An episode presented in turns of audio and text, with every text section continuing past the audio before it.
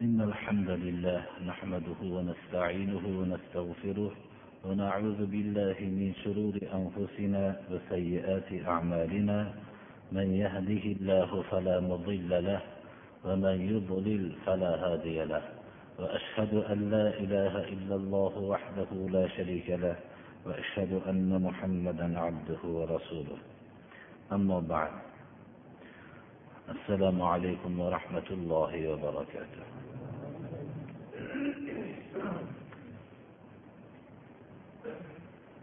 أعوذ بالله من الشيطان الرجيم. يا أيها الذين آمنوا اثبتوا يا أيها الذين آمنوا إذا لقيتم فئة فاثبتوا واذكروا الله كثيرا لعلكم تفلحون. وأطيعوا الله ورسوله ولا تنازعوا فتفشلوا وتذهب ريحكم واصبروا. إن الله مع الصابرين. Alloh subhanahu va taolo qur'oni karimdagi ko'p nidolarda kishilarning insonlarning iymon sifatini zikr qilib nido qiladi. Ey iymon keltirgan kishilar ba'zi o'rinlarda ey odamlar mutlaqo ba'zi o'rinlarda ya ibadiy ey bandalarim deb xitob qiladi. Ko'p o'rinlarda iymon sifati bilan alloh subhanahu va taolo insonlarga xitob qiladi. Ey iymon keltirgan kishilar agar sizlar jihodda bir jamoa bilan ya'ni mushriklar jamoasi birga ro'baru bo'lsanglar chekinmanglar. Mustahkam bo'linglar mustahkam turinglar. Ollohni ko'p yodinglarga olinglar. Shunda najot topasizlar deb alloh subhanahu va taolo xitob qilyapti. Bu oyat nozil bo'lgan vaqtda iymon keltirgan kishilar mushriklar jamoasi bilan ro'baru bo'lishgan edi. Ro'baru bo'lishib mustahkam turishgan edi. Agar shu mushriklar jamoasi son va hamda tayyorgarlikda ustun bo'lishsa ham. Badr jangida mo'minlar mustahkam turishgan edi.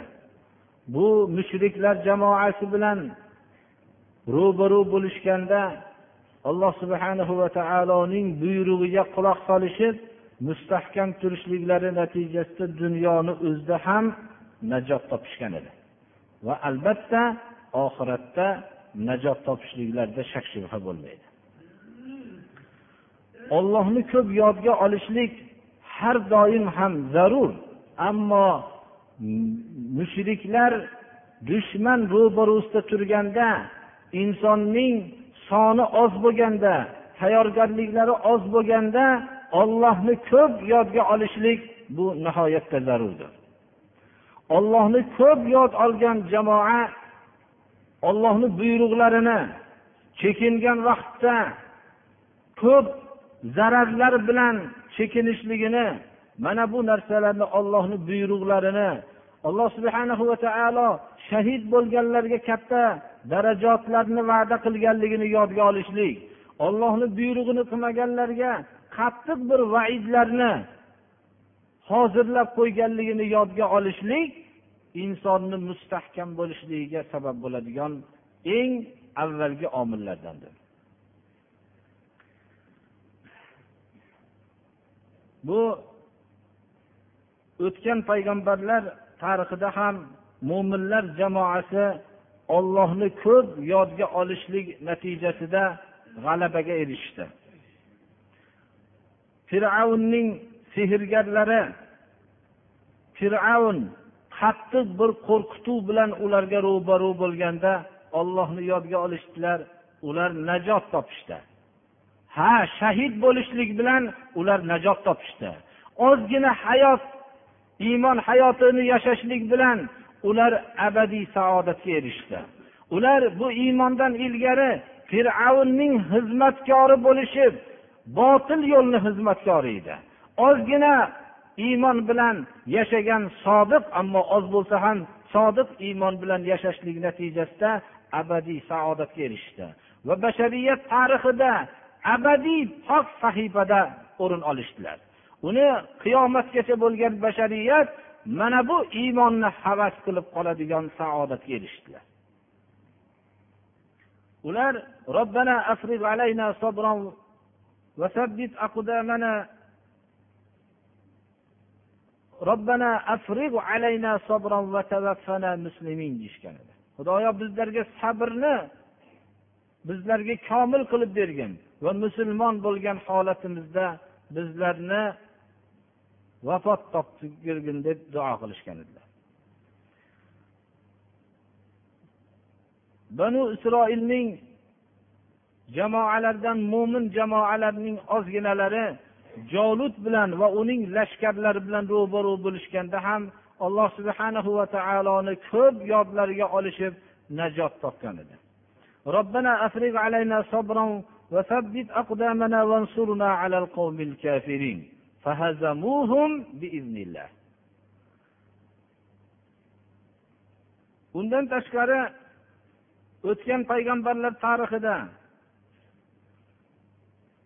ba'zi bir payg'ambarlarning فما لما أصابهم في سبيل الله وما ضعفوا وما استكانوا والله مع الصابرين والله يحب الصابرين وما كان قولهم إلا أن قالوا ربنا اغفر لنا ذنوبنا وإسرافنا في أمرنا وثبت أقدامنا وانصرنا على القوم الكافرين mana bu oyat ham payg'ambarlar tarixida alloh subhana va taolo bir payg'ambar bilan birga payg'ambar tarbiyasini olgan komil insonlarni jang qilganligini o'zlari oz bo'lishliklariga qaramasdan alloh subhanahu va taoloning yo'lida yetgan musibatga bular suskashlik qilishmagan edi. Ular zaiflik qilishmagan edi. Ular susaymagan edi olloh sobirlar bilan birga. Ularning so'zlari ey robbimiz bizlarni gunohlarimizni mag'firat qilgin. Haddimizdan oshgan amallarni o'zing bularni mag'firat qilgin va qadamlarimizni mustahkam qilgin. Kofir toifalarga bizlarni g'olib qilgin deb sobit qadam bo'lishgan edi. Demak hamma payg'ambarlar tarixini tekshirilsa mo'minlar jamoasi doim son jihatidan tayyorgarlikda oz bo'lishgan alloh subhanahu va taoloni yo'lida sabr qilishgan susaymagan bular doim g'alabaga erishgandir. Mana bu muhammad alayhissalomning atroflariga yig'ilgan sahobalar badr g'azotida nihoyatda ozchilik edi bular alloh subhanahu va taoloni rasulini buyrug'iga bo'ysunishdi va shunda hech qanday jangga tayyorgarliksiz chiqishgan edi sabr qilishda alloh subhanahu va taolo mislsiz g'alabani berdi.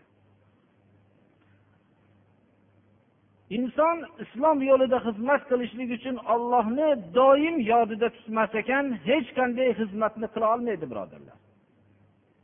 Chunki unga qarshi bo'lib turgan harakatlar hammasi moddiy tarafdan son jihatidan doim ko'p bo'lgan. Avvalda ham hozirda ham doim ko'p bo'lgan. Alloh subhana va taolo doim g'alabani shu olloh yo'lida sabr qilgan ozgina jamoaga bergan. Bashariyat tarixi bizga buni rivoyatlar asosida saqlanib qolgan pok tariximiz mana bunday g'alabalar bilan to'ladi insonlar har bir amalni ro'yobga chiqarishlikda alloh subhana va taoloni ko'p yodga olmoqliklari kerak bo'ladi. Hozirgi vaqtda ham ko'pchilik bir ishni qilolmayotganligini siri mabodo bir sunnatni ihyo qilaman desa yo biror bir amalni haqiqiy islom buyurgan amalni o'zida ko'rsatmoqchi bo'lsa birinchi sabrni lozim tutish kerak va hamda ollohni ko'p yod qilmoqligi kerak. Ba'zi kishilar aytadiki men bu amalni qiladigan bo'lsam mahalla menga nima deydi? Qarshi turadi. Qarindoshlarim qarshi turadi meni bu yerdan surgun qilib tashlaydi. Yoyinki meni hozirgi topib turgan kasbimga putur yetadi. Hamma narsani aytib o'tadi. Ollohni hech esga olmaydi birodarlar. Mana shu amalni qilmasam olloh menga nima deydi? Olloh ko'rib turibdi. Ertaga jazo beruvchi zot ollohdan boshqa yo'q. Olloh nima deydi degan mulohazani qilmaydi. Mahallani esga oladi ota onani esga oladi qarindoshlarni esga oladi o'zining topib turgan kasbini esga oladi hamma narsani esga oladi ammo ollohni esga olmaydi biror bir kishi aytmaydiki mana shu amalni qilsam olloh mendan rozi bo'ladimi yo'qmi? degan savolni o'ziga bermaydi. Mana shu o'zi fikrimiz birodarlar bizni har qanday azobga sazovor bo'lishligimizga loyiqdir.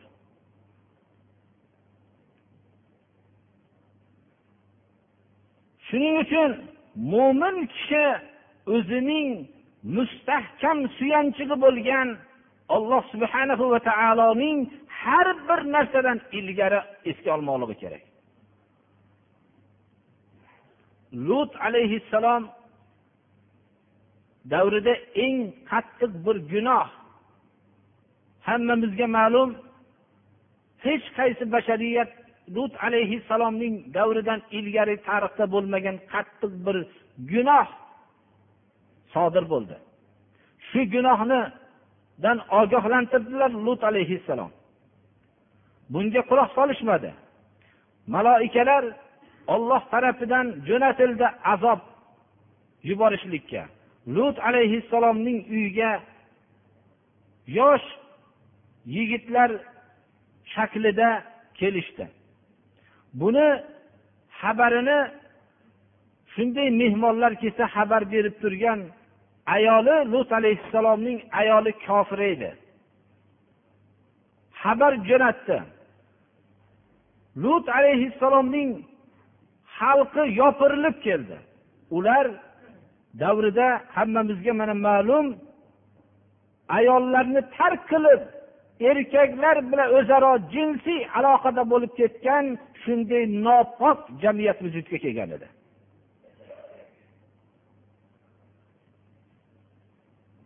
Lut alayhissalom qo'rqdilar. Mehmonlarni qayerga bekitishlikni bilmay qoldilar. Xalq yopirilib kelyapti. Shunda yalindilar xalqqa. Lekin lut alayhissalomni ular masxara qilishardi. Shunda bu kishi ollohga yolbordilarki shunda qaniydi men bir mustahkam bir suyanchig'im bo'lganda bularni halok qilib tashlardim deb turganlarda alloh subhana va taolo tarafidan vahiy bo'ldiki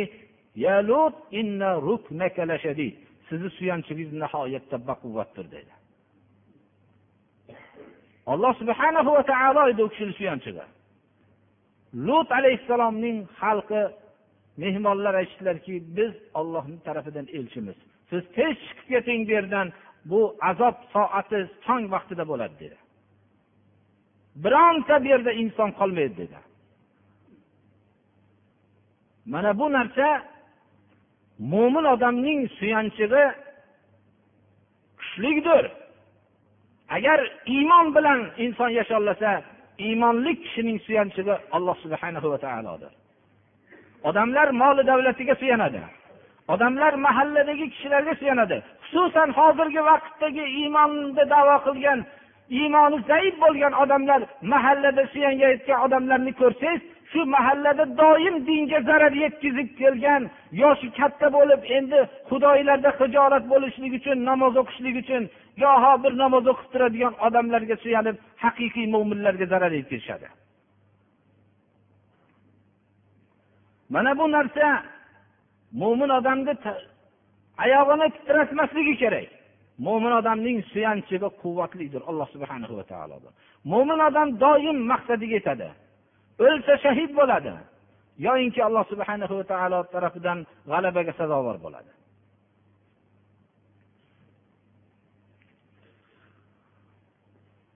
ولا تكونوا كالذين خرجوا من ديارهم بطرا ورئاء الناس ويصدون عن سبيل الله والله بما يعملون محيط sizlar o'zlarining diyorlaridan moli davlatlariga jangga ko'rgan tayyorgarliklari va sonlarining ko'pligiga mast bo'lib faxrlanib chiqqan toifalarga o'xshagan bo'lmanglar odamlarga riyokorlik bilan chiqqan odamlarga toifalarga o'xshagan bo'lmanglar ular bu qilayotgan faxru riyolari bilan ollohni yo'lini to'sadigan toifalarga o'xshagan bo'lmanglar. Bu toifa musulmon jamoaning ro'barosida chiqqan makkalik mushriklar edi. Rivoyat qilinadiki abu sufyon o'zining elchisini korvonni salomat qolganlik xabarini makkaga jo'natdida va ularning hech qanday muhammad alayhissalomga qarshi chiqishlariga hojat yo'q ekanligini xabarini berdi. Lekin abu jahl buni qabul qilmadi. Abu jahl aytdiki biz qaytmaymiz hatto badrga borgunimizcha badrda uch kun turamizda u yerda bir tuyalarni so'yib go'shtlarni serob qilib taomlanib va maylar har xil sharoblarni ichib va butun otarchilarimizni ishga solib bir haybat solib kelamiz. Musulmonlarga undan keyin bizdan doim haybatlanib qo'rqib qolishadi degan fikr bilan faxr bilan chiqqan edi. O'zining sonini ko'pligiga va o'zlarining tayyorgarligini ko'pligiga va o'zlaridagi butun nozi ne'matlarning serobligi bilan faxrlanib riyokorlik bilan badrga kelishgan edi. Alloh subhanahu va taolo mana bu oyatda sizlar ey musulmonlar mana bu jamoalarga o'xshagan bo'lmanglar degan so'z ularning xuddi hayotlarida bo'layotgan voqeani eslatardi. Ular nima bo'lib qaytishdi? Bu faxrlanganlar nima bo'lib qaytdi? Hammalari aksar e'tiborli bo'lib sanalgan kishilari shu yerda o'lib badr qudug'iga uloqtirilingan holatda moli davlatlardan mahrum bo'lgan holatda islomning g'alabasini ko'rib maloikalarning olloh tarafidan madadga tushirilganligini ko'rib musulmonlardan umrbod haybatlanib qo'rqadigan bo'lib qaytishdi alloh subhanahu va taolo odamlar qilayotgan narsani hammasini ihota qilib qamrab turuvchi zotdir وإذ زين لهم الشيطان أعمالهم وقال لا غالب لكم اليوم من الناس وإني جار لكم. فلما تراءت الفئتان نكص على عقبيه وقال إني بريء منكم إني أرى ما لا ترون إني أخاف الله والله شديد العقاب. yodingizga oling ey muhammad alayhissalom deydi alloh taolo shayton mushriklarning amallarini ziynatli qilib ko'rsatganligini shayton rasululloh sollallohu alayhi vasallam aytdilarki ما رؤي إبليس يوما هو فيه أصغر ولا أحقر ولا أبحر ولا أغيض من يوم عرفة وذلك مما يرى من تنزيل الرحمة والعفو عن الذنوب إلا ما رأى يوم بدر قالوا يا رسول الله وما رأى يوم بدر قال أما إنه رأى جبريل يزع الملائكة payg'ambarimiz sollallohu alayhi vasallam aytdilarki iblis biror kun xor ezilgan va g'azablanganroq arafa kunidagidan ko'ra ko'rilgan emas dedilar. Arafa kunida nihoyat darajada iblis xor haqoratlangan nihoyatda g'azablangan holatda yuradi. Buni sababi alloh subhanahu va taoloning bu kundagi rahmatini nozil qilishligiga chidamasdan va gunohlarning mag'firat qilinishligiga chidamasdan nihoyatda ezilgan holatda bo'ladi. Magar badr kunida undan ham xorroq g'azablanganroq holatda bo'ldi dedilar. Shunda yo rasululloh ashoblar so'rashdilarki badr kunida bu iblis nimani ko'rdi? deb so'rashdilar. Shunda aytdilarki iblis jibril alayhissalomning maloikalarini taqsim qilib saf torttirayotganligini ko'rdi shunda ezilib ketdi dedi. Bugun islomning g'alaba qiladigan kuniligini bilib nihoyat darajada ezildi xorlandi dedilar. Avval shayton amal mushriklarning amallarini ziynatlik qilib ko'rsatdi. Lekin biz qanaqa qilib ziynatlik qilib ko'rsatdi? Bu kayfiyat haqida biz bahs qilmaymiz. Lekin biz shuni bilamizki oyat kalima shayton mushriklarning amallarini ziynatli qilib ko'rsatganligini xabarini beryapti. Bugungi kunda sizlarga hech g'alaba qiladigan odam yer kurrasida yo'q deb shayton mushriklarga shunday dedi. Men sizlarni himoya qiluvchiman dedi.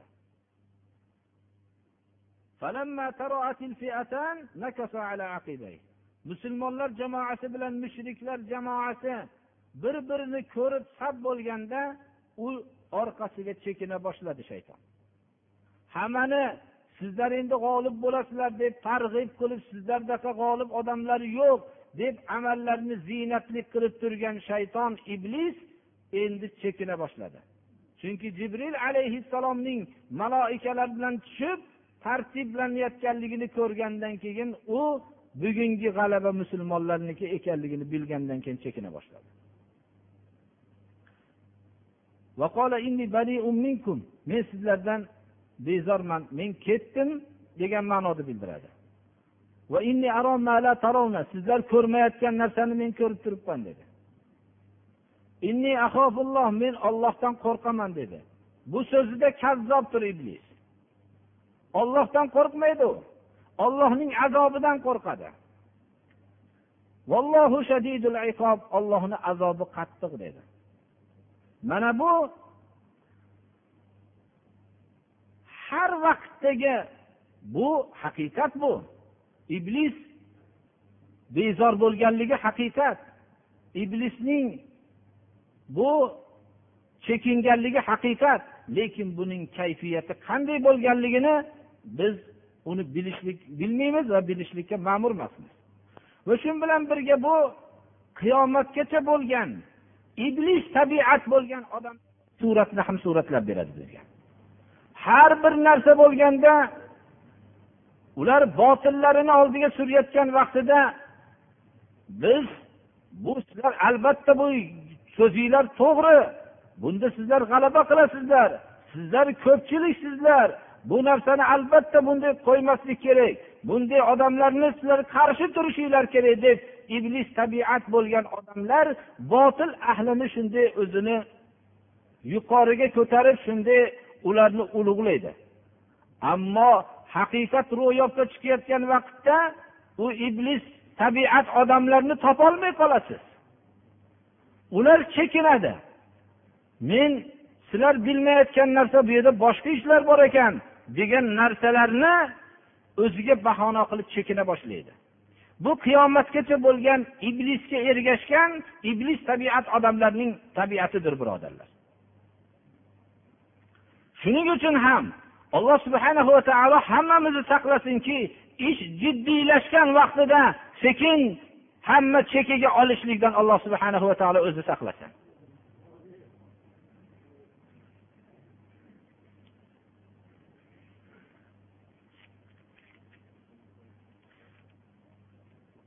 Odamlar juda ko'p narsani xuddi din va aqidalarni ham xuddi tijorat bozoriga o'xshatishib olgan tijorat bozoriga odamlar kirmaydi. Modomiki foyda ko'rinishi ko'rina boshlagandan keyin foyda ya'ni o'zining shu iqtisodiy ozgina bir foydasi ma'lum bo'lgandan keyin bozorga kira boshlaydi. Balki bozordan tushmay qo'yadi. Ammo iqtisodiy bir zarar bo'lib qolgan vaqtda darrov kirmaydi. Yoinki iqtisodiy zararga aldangan odamlarni qo'qqisdan ko'rsa ha biz shunday mana bilamizda bu narsani. Oqibatini bilamiz. Unaqa sodda bo'lsa shuna kunni ko'rib qolasiz deb o'zini faylasuf sanaydi din aqidani ham shunday deb e'tiqod qiladi. Dinga kirganda dunyoviy ishlarim yurishib ketadimikin deb qarab turadi. Odamlarning dindor haqiqatchi odamlarni oldin kuzatib turadiki dunyoviy tarafdan bir tuzukroq narsaga erishishamikin yo'qmikin erishsa xuddi bozordagi foyda ko'rgandan keyin kirgandek din bilan aqidaga ham shundan keyin kiradi. Ammo ish din aqida doim foyda. Mo'min odam lekin u foydani faqat iqtisodiy foyda darkasidan qaramaydi. Mo'min odam uning har bir narsani alloh subhanahu va taolo yuborgan shariat o'lchov bilan o'lchaydi. Shariat burchagidan qaraydi. Shariat burchagidan qarasa agarki u qatl qilinsa ham foyda deb biladi. Aqida din yo'lida shahid bo'lganda alloh subhana va taolo menga o'zini marhamatini beradi deb e'tiqod qiladi. Birodarlar iqtisod ilohiga cho'qintirish mo'minlarga ham ta'sir qildi. Bu narsa mo'minlar foyda deganda ularning tasavvurlarida faqat iqtisodiy foydagina ko'zlanadigan bo'lib qoldi.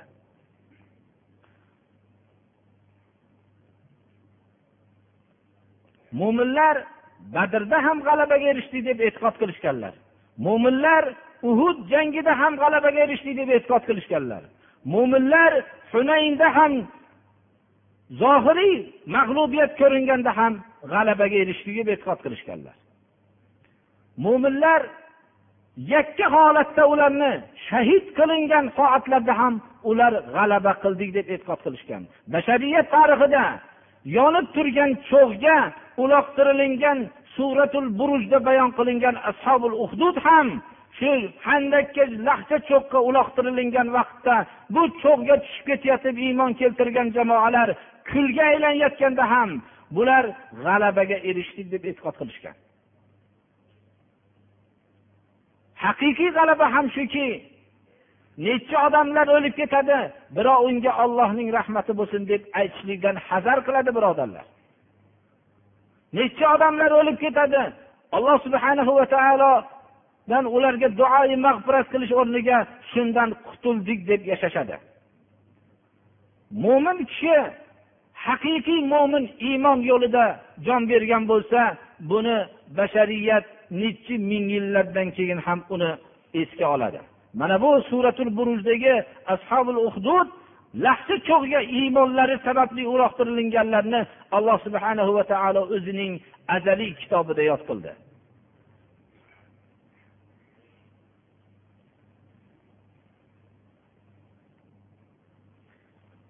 إذ يقول المنافقون والذين في قلوبهم مرض غر هؤلاء دينهم ومن يتوكل على الله فإن الله عزيز حكيم bu ham munofiqlarning holatini bu oyat bayon qiladi bizga haqiqatda ham mana bu oyatda bayon qilinyaptiki yodingizga oling munofiqlarni aytganligini qalblarida maraz bo'lgan odamlarning aytgan so'zlarini bularni dinlari juda mag'rurlantirib yubordi deb aytgan so'zini yodingizga oling.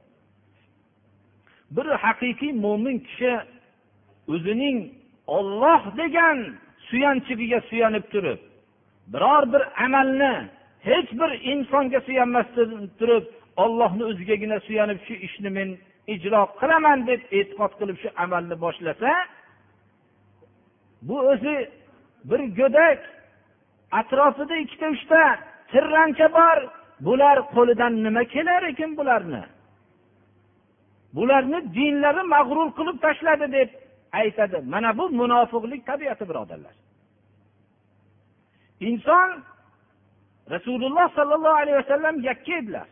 Olloh tarafidan bo'lgan buyruqni ijro qilishlikda hech qanday malomatchini malomatidan qo'rqmadilar.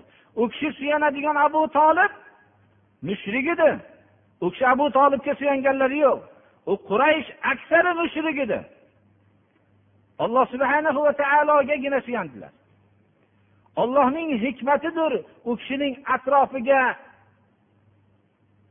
pokiza oddiy odamlarning jamlanishligi ham ollohni hikmati edi. Mashhur shuhratlik ulug'zoda deb sanalgan odamlarning atrofiga jamlanmasligi ham allohning hikmati edi. Rasululloh sollallohu alayhi vasallamning atroflarida bilol habashiy suhayb rumiy qullar ba'zi bir davlatman sahobalar ham bor edi xolos. Birontalariga rasululloh sollallohu alayhi vasallam dunyoviy narsani va'da qilolmadilar zunayra ayol cho'ri bo'lib yurgan ayol. Abu jahllar aytishardi agar bu agar muhammad olib kelgan narsa haq bo'lib yaxshi narsa bo'lganda bular bizdan o'tib ketmasdi biz qilib bajargan bo'lardik deydi. Nahotki shu zunayralar bizdan o'tib ketsa deb shunday kulishardi? Alloh subhana va taoloning fazli olloh xohlaganga beradi. Shuning uchun birodarlar munofiqlik tabiatidir bu. Ba'zi bir haq yo'lda harakat qilayotgan oddiy odamning ustida kulishlik bu munofiqlik belgisidir.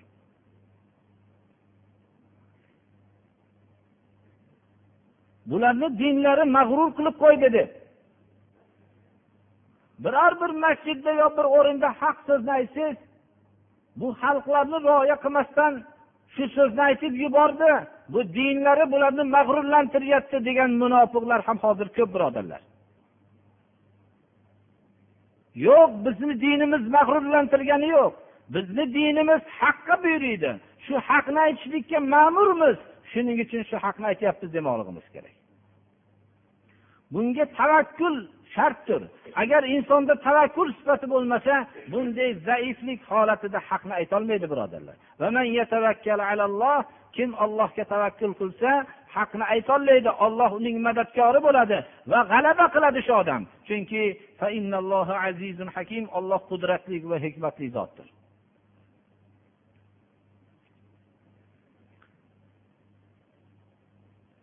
Bu munofiqlarning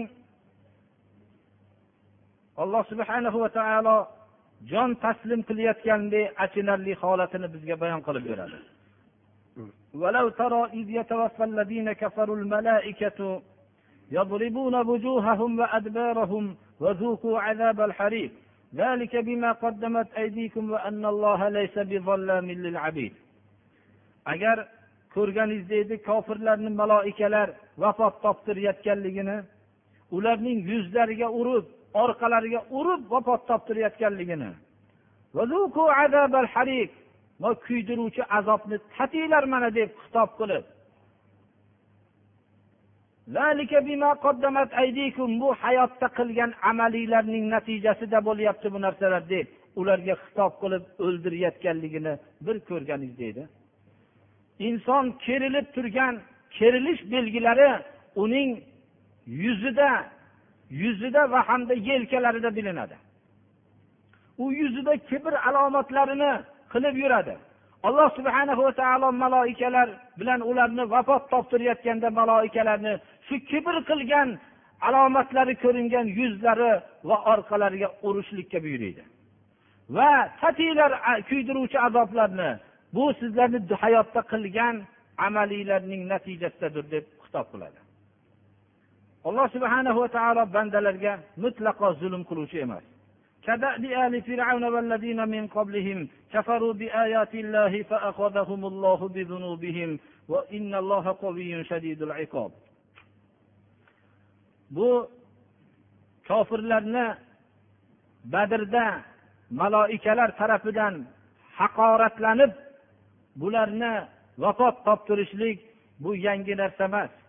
bu o'tgan payg'ambarlar tarixida ham joriy bo'lgan narsadir.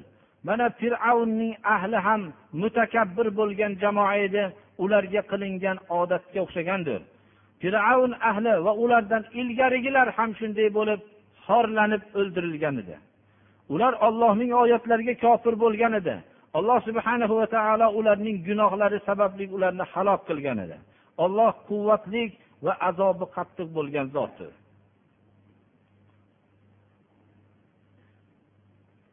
ذلك بأن الله لم يكن مغيرا نعمة أنعمها على قوم حتى يغيروا ما بأنفسهم.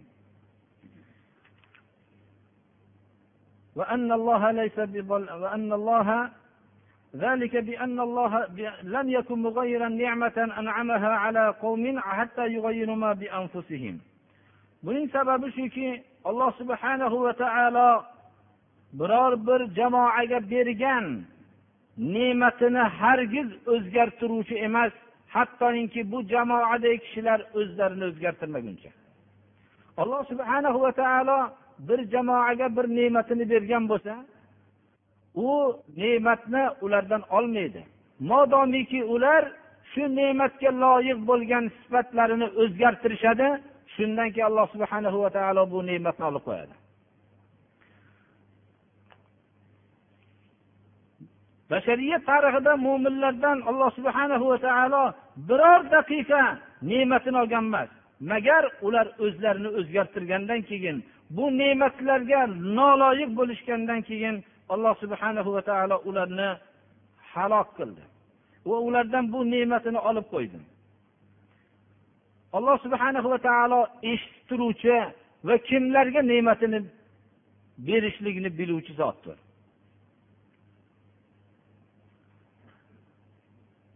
Mana bu oyatda hammamizga ham bir diqqatga bir sazovor bo'ladigan o'rni shuki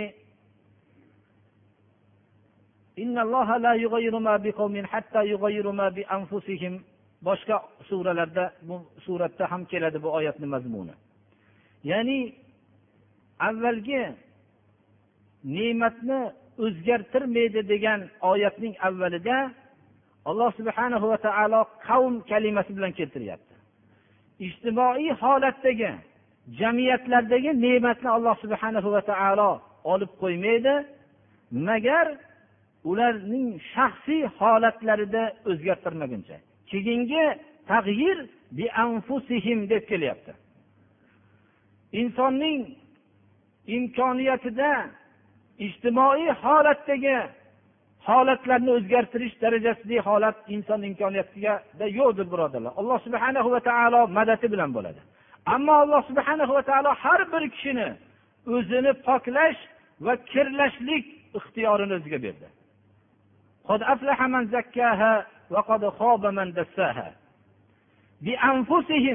Ya'ni o'zining shaxsiyat holatlaridagi holatni o'zgartirmaguncha alloh subhana va taolo ijtimoiy holatni o'zgartirib bermaydi. Kimda kim ijtimoiy jamiyatning holatini o'zgartirmoqchi bo'lsa shaxsiy holatni har bir kishi o'zgartirishlik imkoniyati bor mana bu imkoniyatini ishlatsin.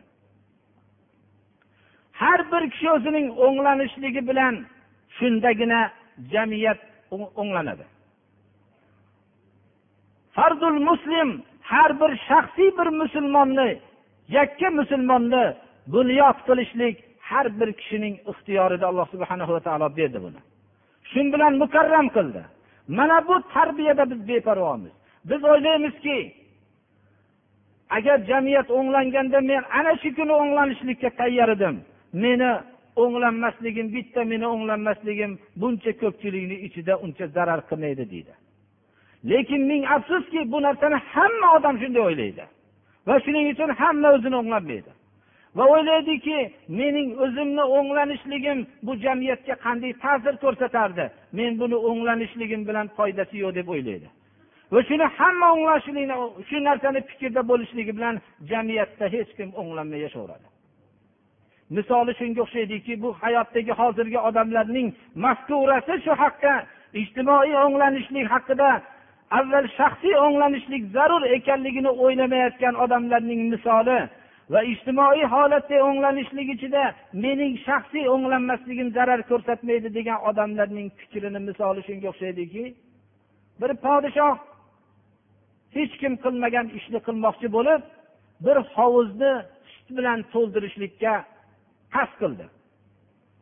Va har bir odamga bir kosadan sut olib kelishlikka buyruq qildi. O'zining mamlakati ostidagi kishilarni har biri bir kosadan sut olib kelsin deb buyruq qildi. Siz o'yladingizki ertaga shuncha xalqlar sut olib borganda meni bir kosa olib borgan sutim bilinmaydi dedi. Shuning uchun men shu orada bir kosa sutni olib boraveraman. Bu ham shuni o'yladi. U ham shuni o'yladi.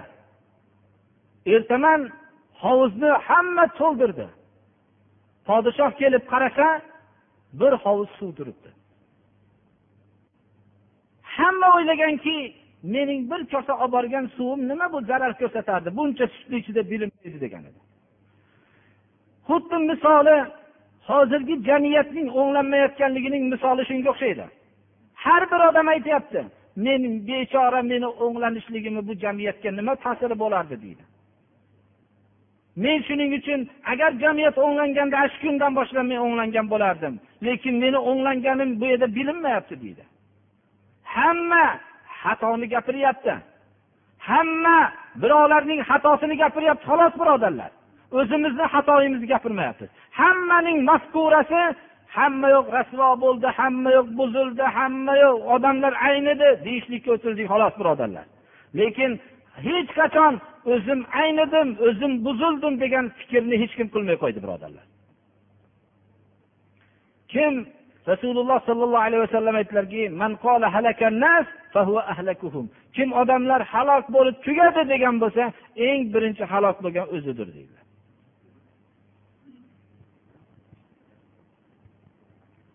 Qur'oni karimning mana bu ahli ilm kishilar buni sezib pamlashib turibdi. Ijtimoiy holatni o'nglash alloh subhanahu va taolo tag'yir o'zining qudrat qo'lidadir. Ammo shaxsiy o'nglanishlikni alloh subhanahu va taolo bandaga berdi. Har bir alloh taolo islom jamiyatiga boshqa jamiyatlarga e'lon qilyaptiki odamlar o'zlaridagi holatni har bir kishi o'nglamaguncha olloh ularning ijtimoiy holatlaridagi pokiza holatni o'nglamaydi. Mana bu qur'oni karimning bir mo'jizaviy bir ma'nolaridan bittasidir birodarlar.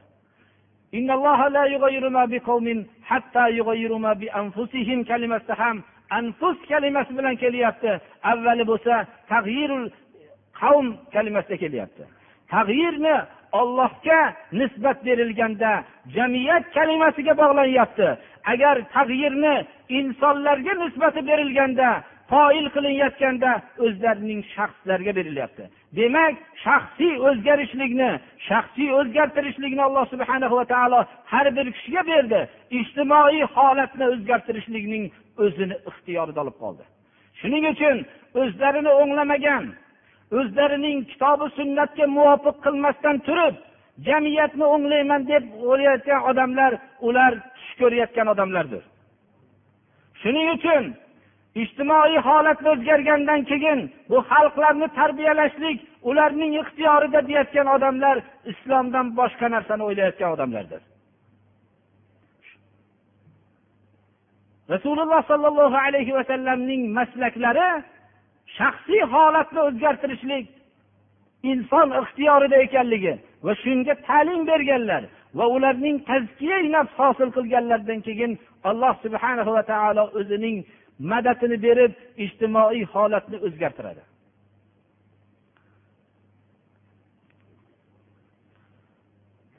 Aniqroq qilib hozirgi misolimiz tariqasida aytganimizda ular o'zlari hayollarida sutdan bo'lgan hovuz qilish niyatlari boru ularning qilgan harakatlaridan suvdan bo'lgan hovuz bunyod bo'ladi.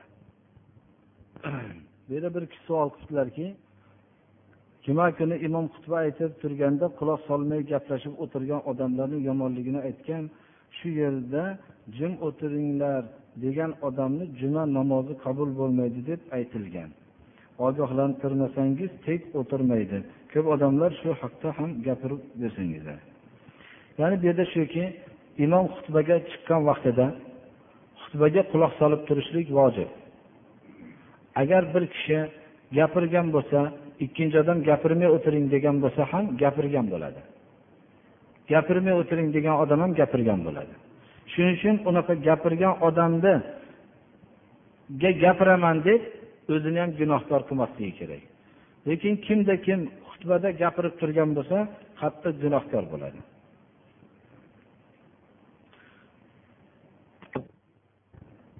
Vaqtda jamiyatda juda islomda aytilmagan ba'zi rasm rusum odatlar bemalol davom etyapti debdilar. Masalan nikoh to'ylarimizda ko'pgina e, xarajatlar shunaqa seplar shunaqalar qilinyapti debdilar.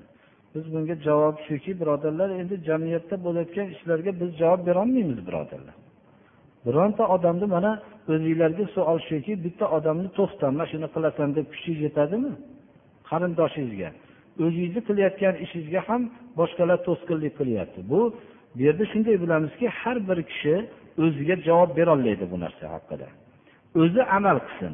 Shu amaldan boshqalar qilmayaptiyu desa uni boshqalarni masalan bir o'zi farzandiga bir yetarli narsa qilib berishlik tarafida bo'lsa ayblashlikka o'tilsa o'zi ham shunga harakat qilib qilib qo'yaversin. Ya'ni bundan murod shuni tushunishimiz kerakki muboh narsa bor shariat man qilgan narsa bor. Masalan men shu yerda aytayki ayollarga mahrni ayollar talab qilsaki bundan ayollarni o'zgarib ketishligiga sabab bo'lmasin biz to'g'ri haqqini bayon qilaveramiz ayol kishi aytsaki meni mahrim shu narsa bo'ladi shu narsani bermasa men nikohga unamayman desa haqqi bor shu ayolni. Mahr shu zamonning oqimlariga qarab turib ayollarning o'zini fikri jamiyatda qanday o'rinlarni ushlab qolishlik haqida bo'ladi. Masalan hozirgi vaqtda ko'p ayollarga zulm qilinayotganligini misoli shuki birov turmush qiladi. Turmush qilib bittami yo farzand ko'radimi ko'rmaydimi yo uch to'rtta farzand ko'rgandan keyin ajralish bo'ladi. Ajralish bo'lgandan keyin idda vaqtini rioya qiladigan odam juda kam. Idda vaqtida shu uyda o'tirishlik kerak. Ilgarigi yaxshi turmush qilayotgan vaqtidagi yaxshiligini qilib turish kerak. Shu bilan ajraladida uydan haydab yuboriladi uydan chiqib ketadi. Chiqib ketgandan keyin u boradigan joyi yo'q. Dadasinikiga og'ir o'ladi. Har boshqa joyga bormaydi shu dadasinikida og'ir bo'lib o'tiraveradi. Shunda shu narsalarni ko'rish natijasida ayollar o'zlarini tushunsaki meni mahrimga bitta hovli bo'lishi kerak desa. Bitta hovli bo'ladi bu hovli meniki bo'ladi deydi. Desa shuni talab qilsa chunki u jamiyatda ko'ryaptiki ayollar haydalib ketyapti xorlanyapti. Shunda hovli bo'ladi menga kiyim kechak ham kerak emas hech narsa kerak emas desa shu hovlini talab qilsa hovlini sifati shu bo'lsa desa xohlasa nikohga unaydi xohlamasa u boshqa mahrni ozroq talab qiladigan joydan olaveradi. Bu berilgan huquq. Shuni tushunishimiz kerak. Chunki u kelajak hayotimda men mabodo buni bilmaymanki masalan oilam buzilib ketadimi buzilgan vaqtida shu uy meni ko'rib qolaman. Deb mabodo keyin biror bir pokiza odam bo'lsaki pokiza odam joyi yo'q. Shunaqa bo'lsa haligi joydan foydalanib shu bilan turmush qilib baxtli bo'lib ketib qolishligi mumkin. Misol qilib aytganimizda bir xalqlarning o'zida urf odatlarida mahr qaysi narsa ayolga foydaliroq bo'lishligini ayollar o'zi bilsa bizdagi ayollar hech narsani tushunmaydi ular huquqlarini bilmaydi islom bergan huquqlarni ko'plari bilmaydida va ko'plari o'zi hozirgi yevropa ayollariga taqlid qilib ketishavergan hammalari biz bundan masalan odatda bo'layotgan narsalarni bu huquqini bilgandan keyin ayol kishi o'zi talab qilgan narsa nima bo'laveradi? Mabodo unga unamasa marhamat boshqa joyda nima qilaveradi? Lekin biz haqimiz bor xolos. Ayollarning eng barakotlisi mahri kami deb aytib targ'ib qilishlikka haqqimiz bor xolos. Uni majbur qilishlikka haqqimiz yo'q birodarlar. Mahrlarning yengil bo'lishligi bu barakotga sabab bo'ladi deganlikda bizda shak shubha yo'q. Ayollarning hammasiga shartdir. Bu yerda mana bu yerda ba'zilar talab qildilarki ba'zi bir bu yerda boshqa tillarni bilishlikka nima qilayotgan odamlar bor shu haqda ham bir moiza bo'lsin debdilar. Endi bu yerda ko'pchilik bunaqa o'zbek tilini tushungani uchun faqat o'zbek tilida qilayotganimizni siri shu. Inshaalloh bu haqda ham o'ylab ko'ramiz boshqa bir vaqtlarni tayin qilishimiz mumkin. Kitoblar ko'payib ketayotgan bo'lsa birodarlar bu bizni bosishlik bosmaxona bizni qo'limizda emas birodarlar. Diniy kitoblar deb atalayotgan kitoblarni ichida juda ko'p kizib yolg'on gaplarni ko'p yozilib islomga tuhmat qilingan gaplar afsona tagi puch gaplar nihoyatda ko'payib ketyapti. Shundan ehtiyot bo'lib o'zinglar qalbinglar taskin topgan olimlardan bir o'zinglar amalida ilmida bir qanoat hosil qilgan har bir mahallada ahli ilm kishilar bor shulardan bir so'rab olib shu kitobni o'qib foydalansak bo'ladimi deb so'rab olinglar albatta. Alloh taolo mana besh olti kishiga duo qiling debdilar. Ba'zi bir kishilar mana bemor ekanlar alloh shifo bersin. Ba'zilar bir ilm talab qilyapti alloh subhanahu va taolo ilmiga amal qiladigan ilm bersin. Ilm bersin va amalini ham qo'shib bersin. Alloh subhanahu va taolo ota onalarga shifo bersin.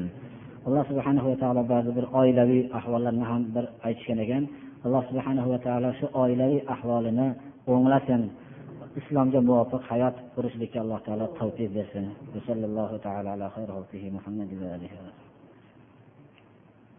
Bir kishi xatda yozibdi javob bermay ketishga sal nima ilmga amal nima? Nima uchun odamlarga ta'sir qiladi? U ta'sir qilmasligi uchun nima qilish kerak degan gapni qattiq yozilmoqda. Va ilmga amal degani ilm alloh subhana va taolo buyurgan narsalarni bilish qaytargan narsalarni bilishlikdir. Amal qilish degani buyurgan narsalarni qilishlik va qaytargan narsalardan qaytishlikdir. Mana shu ilmga amal deyiladi.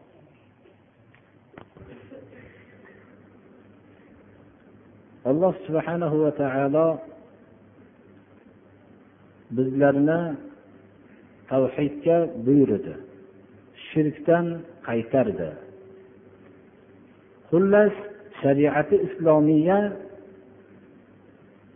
ko'p narsalarga ollohning bandalarini buyurilganlik hukmlari bilan va hamda ko'p narsalardan qaytarganlik hukmlari bilan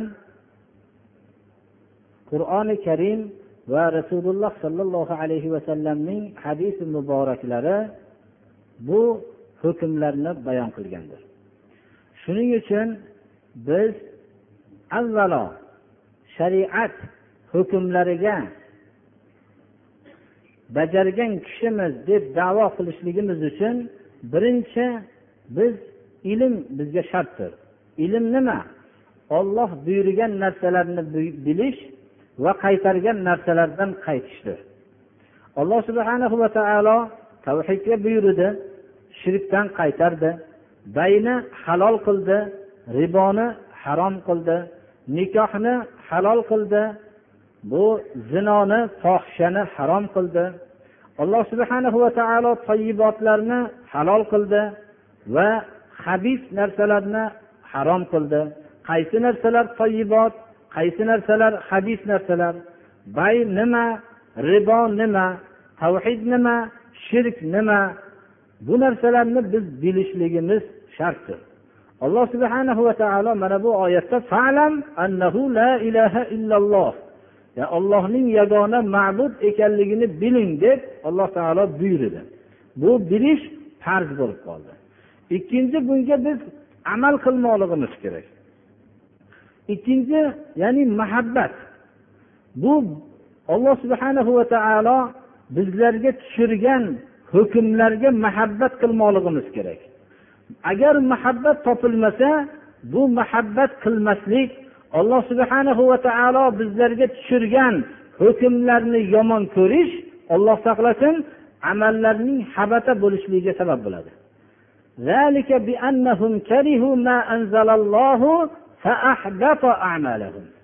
Alloh subhanahu va taolo o'zini rasuliga tushirgan narsani karih ko'rishdida va alloh subhanahu va taolo ularning amallarini habata qilib yubordi.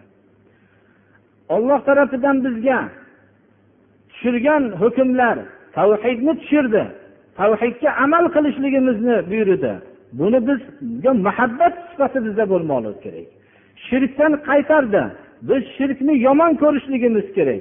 Ya'ni olloh tushirgan shirk yomon narsa degan so'zga muhabbat qilmoqligimiz kerak. Bu muhabbatning ma'nosi shirkdan voz kechishligimizdir muhabbat alloh subhana va taolo bayni halol qildi. Bunga biz muhabbat qilib bay bilan shug'ullanishligimizda riboni harom qildi degan hukmiga muhabbat qilishligimiz ribodan voz kechishligimiz kerak. Alloh subhana va taolo tayyibotlarni halol qildi. Bu hukmga muhabbat qilmoqligimiz kerak. Habis narsalarni harom qildi. Habis narsalarni harom qildi deb bu hukmga muhabbat qilishligimiz habis narsalardan voz kechishligimizdir. Bunga uchinchi azimat bo'lmoqligi kerak. Qasd bo'lmasa inson o'qigan ilmiga amal qilish tarafiga qarab yo'nalmaydi. Qasd insonni har bir narsadagi qasd muhabbatdan keyin hosil bo'ladi. Shu qasd bilan inson amal qilishlik maydoniga kirib boradi.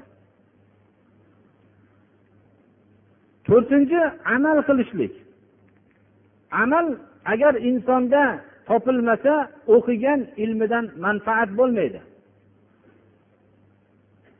Eng katta gunohlarning bittasi bilgan ilmiga amal qilmaslikdir.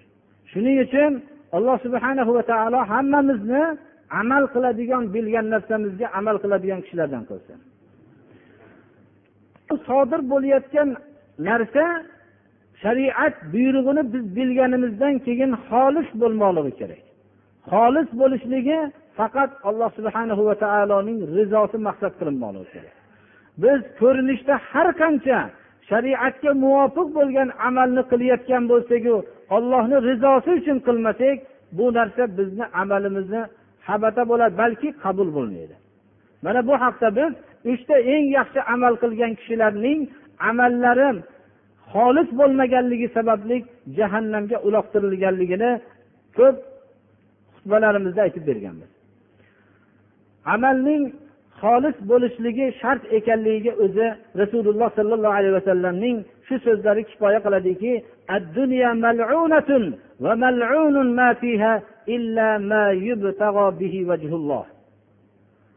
dunyo mal'undir va dunyodagi hamma narsa mal'undir magar ollohni rizosi talab qilingan amallargina la'natdan salomatdir.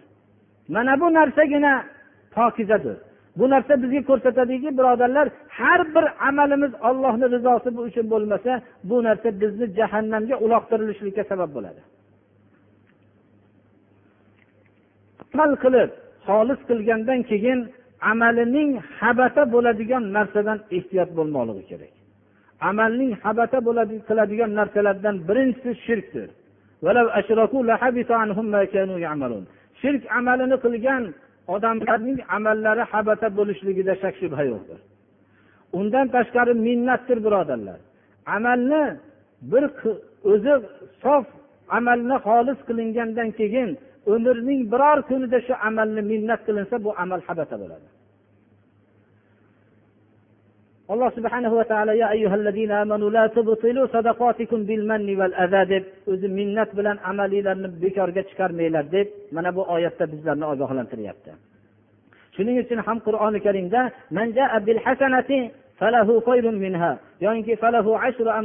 oyatlari kim amalni olib kelsa oxiratga deyilgan.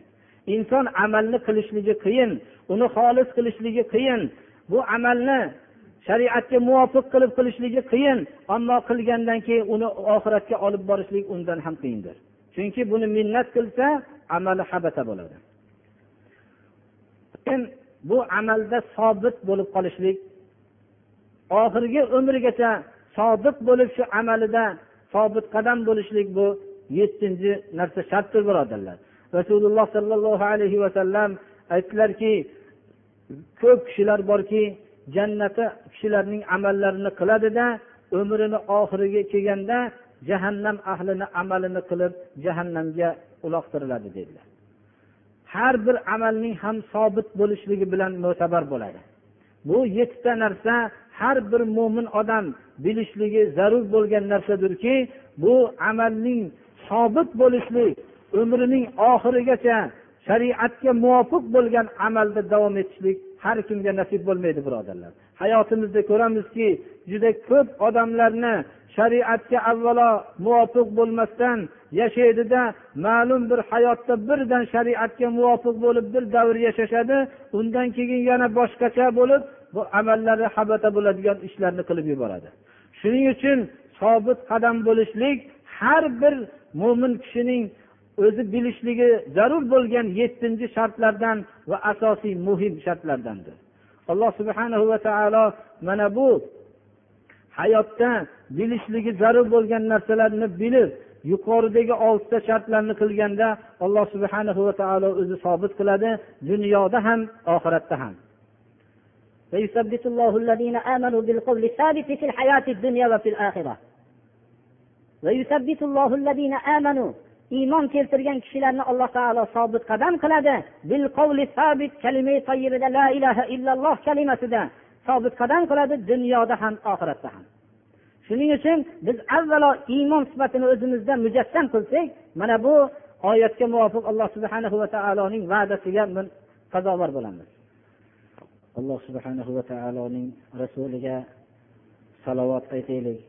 Shu soatda juma kunlarida ko'p salovat aytishlikka rasululloh sollallohu alayhi vasallam buyurganlar va olloh maloikalar va bular hammalari rasululloh sollallohu alayhi vasallamga salovat aytadi إن الله وملائكته يصلون على النبي يا أيها الذين آمنوا صلوا عليه وسلموا تسليما اللهم صل على عبدك ورسولك محمد النبي الهاشمي الأوفى وارض اللهم عن الأربعة الخلفاء والسادة الحنفاء أبي بكر وعمر وعثمان وعلي وعن سائر الصحابة أهل الصدق والوفاء وعن التابعين بإحسان ولطريقتهم اقتفى وعنا بعفوك وكرمك يا خير من تجاوز وعفى اللهم أعز الإسلام والمسلمين وأذل الشرك والمشركين واحم حوزة الدين اللهم ألف بين قلوب المؤمنين في المشارق والمغارب واجمع كلمتهم alloh subhanahu va taoloni madadi bilan mana shu xutbamizda ham aytib o'tdikki dunyoda faqat ollohni rizosi uchun bo'ladigan amalgina oxiratga boradi ollohni huzuriga ko'tariladi minnat qilinishligi bilan shu amal habata bo'ladi. Shu jomini avvalidan tortib biz mana shu narsani qattiq bir hammamiz ham shuni duo qilib kelganmizki shu yerda minnat qiladigan odamlar biror tiyin shu jomiga sarf qilmasin deganmiz. Nima qiladi? O'zini gunohkor qilib shu minnat qiladigan odam shu jomiga takror aytamiz biror xizmat qilmasin. Yana takror aytamiz endi shu madrasa bu qurilishi nihoyatda katta bir qurilish bo'lyapti. Alloh subhanahu va taolodan duo qilamizki shu madrasada islom ta'limotlari bo'ladigan bir madrasa bo'lsin kelajakda. Biz buni ko'rishligimiz yo ko'rmasligimiz shart emas birodarlar. Ollohni rizosi uchun shuni qilishlikka alloh tavfiq bersin. Shu hozir men iltimos qilardimki ammo yana takror aytaman minnat qiladigan odamlarga hozirdan javob biror kishi debga yordam qilmasin birodarlar. Iltimos qilaman yana. Shuni minnat qilmaydigan bo'lsa shu yerda bir besh donadanmi o'n donadanmi pokiza shu g'ishtni tozasini topib shu yerdan shu tepaga olib chiqib qo'ysa deb iltimos qilardim hozirgi jamoatimizdan. Yana takror aytaman minnat qiladigan odam bo'lsa unga u olib chiqmasin shu g'ishtni. Shuni shuni aytib qo'yaylik. Takror aytamizki bu jomiyda biror bir kishi minnat qiladigan odam xizmat qilmasin. Alloh taolo shuni xizmatini nasib qilmasin ham birodarlar. Shunaqa darajada. Shu takror aytamizki olloh uchun bo'lsa deb bir besh donami olti donami o'n donagacha shu bir g'isht tozasini tanlab hammanglar o'zinglar nima qilib shu mana shu g'ishtni alloh subhana va taolo shu yerga olib chiqib qo'yyapman. Shu narsani bilan shu yerda islom ta'limotlari bo'ladigan dargoh bo'lsin deb ixlos bilan olib chiqishlikni nima qilaman? Mana namangandagi otavalixon masjidini eshitishimcha mana gapirishadi. Ho mubolag'ami boshqami bilmayman. Har bittasi ishini bir o'zi shu biror bir ishini betahorat qo'ymasdan urgan ekanlar deb va shuncha sharobxona qilishga urinishsa ham baribir alloh subhanava taolo mana shu masjidni o'zi saqladi va yana o'zi birinchi shu masjid ochilishligi shu yerdan boshlanishligini ham alloh shu nasib qildi. Shular deb ba'zi bir mo'ysaflardan eshitgandik. Shu juma namozini hozir sunnatini o'qiymiz. O'qigandan keyin shu shu kishilar ixlos bilan nima bo'lsa bir besh donami olti donami tepaga g'isht olib chiqishlikka bir birlari bilan qo'lma qo'l qilibmi yoki o'zlarini ixtiyorlari bo'lsin shu yerda inshaalloh g'isht qo'yishlik hozir marosimi bo'ladi inshaalloh. Duo qilinglarki alloh subhanahu va taolo o'zi madad bersin. Allohu akbar. Alloh subhanahu va taolo o'zi madad bersin. Alloh subhanahu va taolo birovga muhtoj qilmasin. Alloh subhanahu va taolo minnat qiladigan kishilarni shu yerga xizmat qilishlikni nasib qilmasin. Alloh subhana va taolo shu qilgan amalimizni pokiza bir amal bo'lishligini alloh taolo qabul qilsin. Bizlardan keyin ham shu yerda obod qilaman deganlarni alloh o'ziniyu xonadonini avlodini obod qilsin. Shu yerda vayron qilaman deganlarni o'ziniyu avlodiniyu hammasini vayron qilsin. Alloh subhanahu va taolo o'zi yordam bersin. Alloh subhanahu va taolo birovga muhtoj qilmasin shuni.